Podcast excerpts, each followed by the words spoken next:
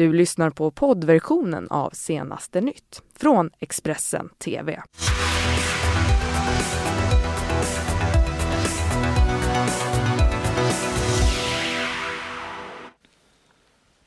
Men god morgon och vad härligt att ni eh, tittar på Senaste nytt här i Expressen.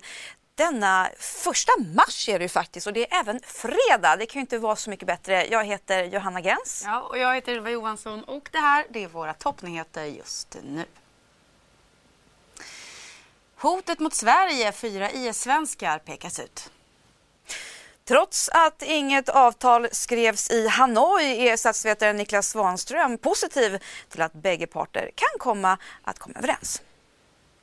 Och efter det brutala mordet på småbarnsmamman Nella idag så startar rättegången. Ja, men vi ska börja i Somalia där minst tio människor har dödats i ett självmordsdåd eh, i huvudstaden Mogadishu.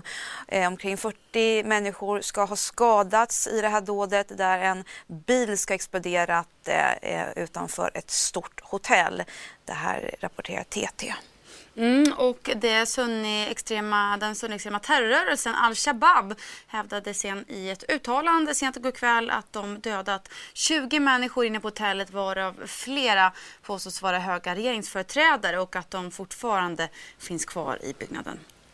Mm, vi ska nu tillbaka, eller vi ska till Sverige eh, för eh, fyra västsvenska IS-terrorister pekas nu ut av säkerhetskällor som ett särskilt hot mot Sverige om de återvänder ifrån Syrien.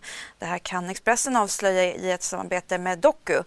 Minst två av dessa IS-svenskar, eh, vi pratar om Mikael Skråmo och Khaled Shahade, eh, som har då försvarat den islamiska eh, terrorstaten nu in i det sista och har inga som helst tankar på att ge upp. Mm, och Daniel Olsson på GT, Expressens västsvenska edition, var tidigare med oss i sändningen och berättade mer om varför de här fyra IS-svenskarna pekas ut som särskilt farliga. Eh, alla de här fyra har, har, en längre tids erfarenhet från strider nere i Syrien på, den, på terrorstatens sida. Ehm, de har varit där från minst sedan 2014 alla fyra så de har en god stridserfarenhet. Sedan så har de hälften av dem, alltså två av dem anser Säkerhetspolisen har en koppling till personer som i sin tur har visat en förmåga att vilja planera eller att planera dåd också i utlandet, alltså i Europa. Ehm, de andra två eh, har i vart fall enligt Säkerhetspolisen Eh, visat en vilja, gjort yttranden om en vilja om att vilja eh, vara för eller eh, att vilja utföra terrordåd i, i utlandet eller att utgöra attentat ska jag säga. Och det är den kombinationen då som gör att de här fyra är särskilt intressanta. Ja, och nu vill ju eh, den svenska regeringen göra det straffbart att delta i terrororganisationer och skickar nu ett utredningsförslag eh, på ett eh, lagrådsremiss. Och justitieminister Morgan Johansson vill eh, kriminalisera då ett samröre och ett deltagande i terrorgrupper samt då genomföra reformer eh, för en utökad signalspaning skulle säga att eh, ända sedan vi tillträdde 2014 så har vi stärkt eh, terroristlagstiftningen mer än vad någon annan regering har gjort. Vi har utvidgat finansieringslagstiftningen, vi har kriminaliserat att ta emot eh, utbildning och vi har skärpt lagstiftningen på en rad punkter. Så att säga. Nu tar vi i det här läget nästa steg helt enkelt och får då en, en stark och sammanhållen lagstiftning från och med 1 augusti. Men varför har det tagit så lång tid att få till det förslaget som nu är på remiss? Det är olika skäl. Ett skäl är ju att föreningsfriheten är väldigt stark i Sverige så man måste hitta en väg eh, som eh, klarar ändå grundlagens krav på organisations och föreningsfrihet. Och eh, det menar vi att vi, att vi har gjort. Det andra är att vi också uppmärksammades av polisen och av Säkerhetspolisen att vi måste samtidigt ändra signalspaningslagen därför att den var helt felkonstruerad och, och skulle kunna ha lett till att, att vi eh, fick allt sämre underrättelseinformation om vi hade gått fram med en sån här lag, lag utan att också göra det. Så att eh, under beredningens gång så har vi då varit tvungna också för att titta, se över den. Nu har vi ett sammanhållet paket som kan träda i kraft 1 augusti. Kommer det gälla retroaktivt? Ja, retroaktiv lagstiftning är ju förbjudet enligt eh, grundlagen och det kan man inte göra i, i någon eh, rättsstat utan man eh, eh, eh, så det kommer att, att gälla de handlingar som, som, man då, som man genomför efter den 1 augusti. Men man ska ju komma ihåg då att om vi talar om, om de som exempelvis har vistats i de här krigsområdena. Om de kommer tillbaka, om de är svenska medborgare och om de återsöker sig till någon slags terrornätverk eh, och börjar, då kan vi dels upptäcka dem mycket lättare än tidigare plus att vi också kan klippa dem med den här lagstiftningen. Då. Ja, och i takt med att allt fler IS-svenskar återvänder hem så ökar kraven på att de nu ska ställas till rätta. Och efter det att eh, Morgan Johansson igår presenterade ett förslag om ny terrorlagstiftning så gick Expressen ut på Stockholms gator och, eh, för att helt enkelt höra vad svenskarna tycker om det här. Det vi nu gör Känner du oro inför att eh, människor som har stridit i Syrien för terrororganisationer som IS återvänder tillbaka till Sverige nu? Jag känner oro för IS-principen här men jag tycker att det är viktigt att man försöker att bestraffa dem och det är alltså ett sätt som är rättssäkert. I och med att jag inte aktivt ser vilka det är som har gått dit och kommit tillbaka och jag inte har några siffror i huvudet så kan jag inte riktigt känna någon oro direkt. Absolut, det är klart det gör. Eh, man har ingen aning om hur tankesättet är nu när de kommer tillbaka. Ja, absolut. Självklart. Jag vill inte att de ska komma tillbaka hit. Då har de eh, åkt tillbaka till ett land där de strider så får de ju stanna kvar där. Då har de ju inte här i Sverige överhuvudtaget att göra. Det är ju självklart oro, eller oroväckande att man åker ner och krigar för en sån sak men jag menar, det är deras ensak.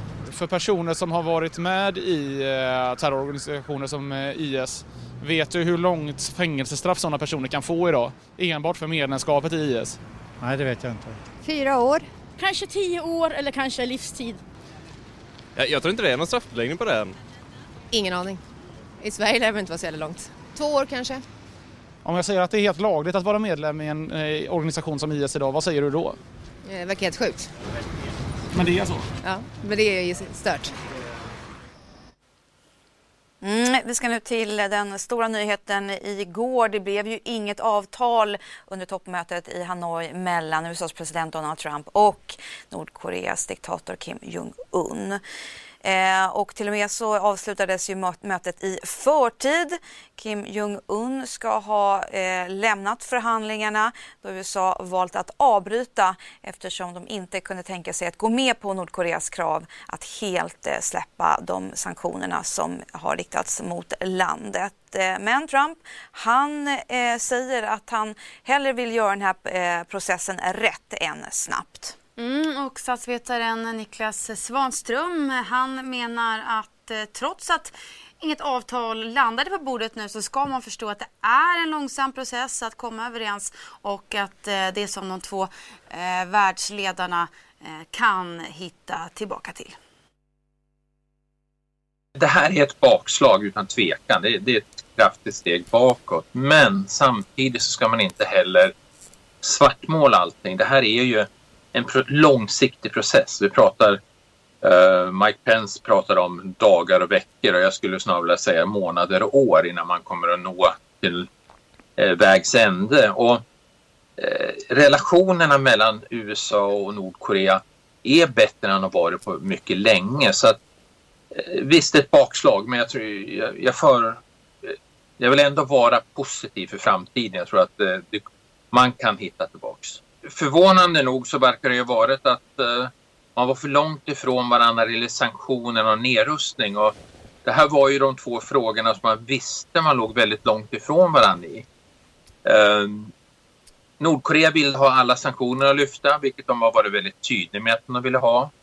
Amerikanerna ville ha ganska långtgående eh, garantier och eh, ja, kanske även nedrustning då på agendan. Och det har de också varit väldigt tydliga med. Så att um, det är ju, eh, jag hade förväntat mig kanske någonting uh, kanske mer modest som kommer ut av det här än, än att man skulle attackera de här två största frågorna på, på en gång.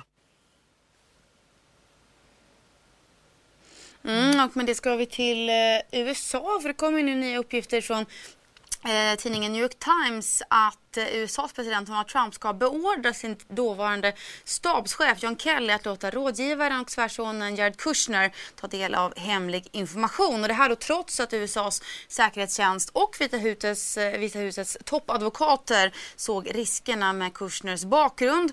De här uppgifterna motsäger också presidentens tidigare utsago som varit att han inte haft något med den här saken att göra. Mm. Eh, vi ska till Sverige och eh, prata om ett riktigt eh, hemskt mordfall. Det handlar om Nella Olander som var ute och promenerade när hon mördades brutalt eh, vid en tunnel i Fagersta. Johan eh, eh, dömdes till livstidsfängelse för mordet eh, och imorgon så börjar en ny rättegång i Svea hovrätt. Och eh, Nellas mamma Camilla Malmström hon berättar här nu om rädslan för att eh, mördaren ska få ett tidsbestämt straff. Nella Olanders mamma Camilla Malmström var på semester på Rhodos när hon läste i svenska tidningar att en ung kvinna hittats mördad i Fagersta, staden där hon och hennes familj bodde. Och redan då, alltså jag fick en obehagskänsla på något konstigt. Ja, jag vet inte vad det beror på men jag fick en obehagskänsla.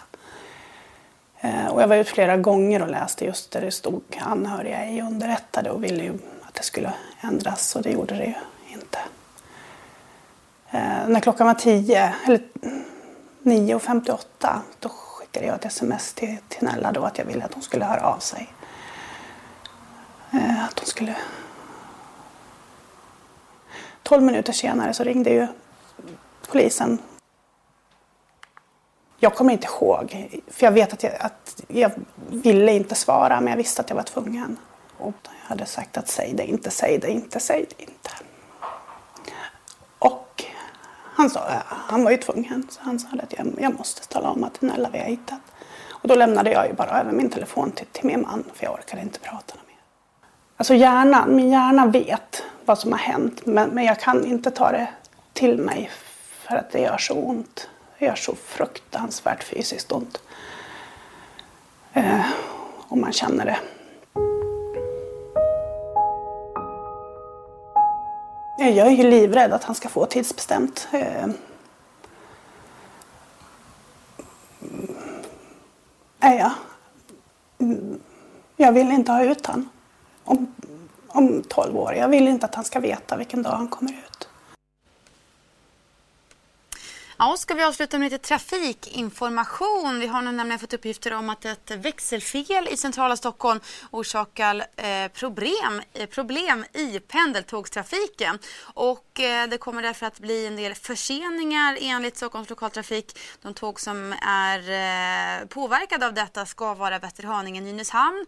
Eh, den sträckan där samtliga tåg är inställda på grund av det här växelfelet vid Stockholm city.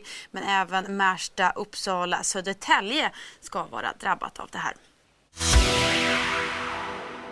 Du har lyssnat på poddversionen av Senaste nytt från Expressen TV. Ansvarig utgivare är Thomas Mattsson. Ett poddtips från Podplay. I fallen jag aldrig glömmer djupdyker Hasse Aro i arbetet bakom några av Sveriges mest uppseendeväckande brottsutredningar går vi in med hemlig telefonavlyssning och, och då upplever vi att vi får en total förändring av hans beteende. Vad är det som händer nu? Vem är det som läcker? Och så säger han att jag är kriminell, jag har varit kriminell i hela mitt liv men att mörda ett barn, där går min gräns. Nya säsongen av Fallen jag aldrig glömmer på Podplay.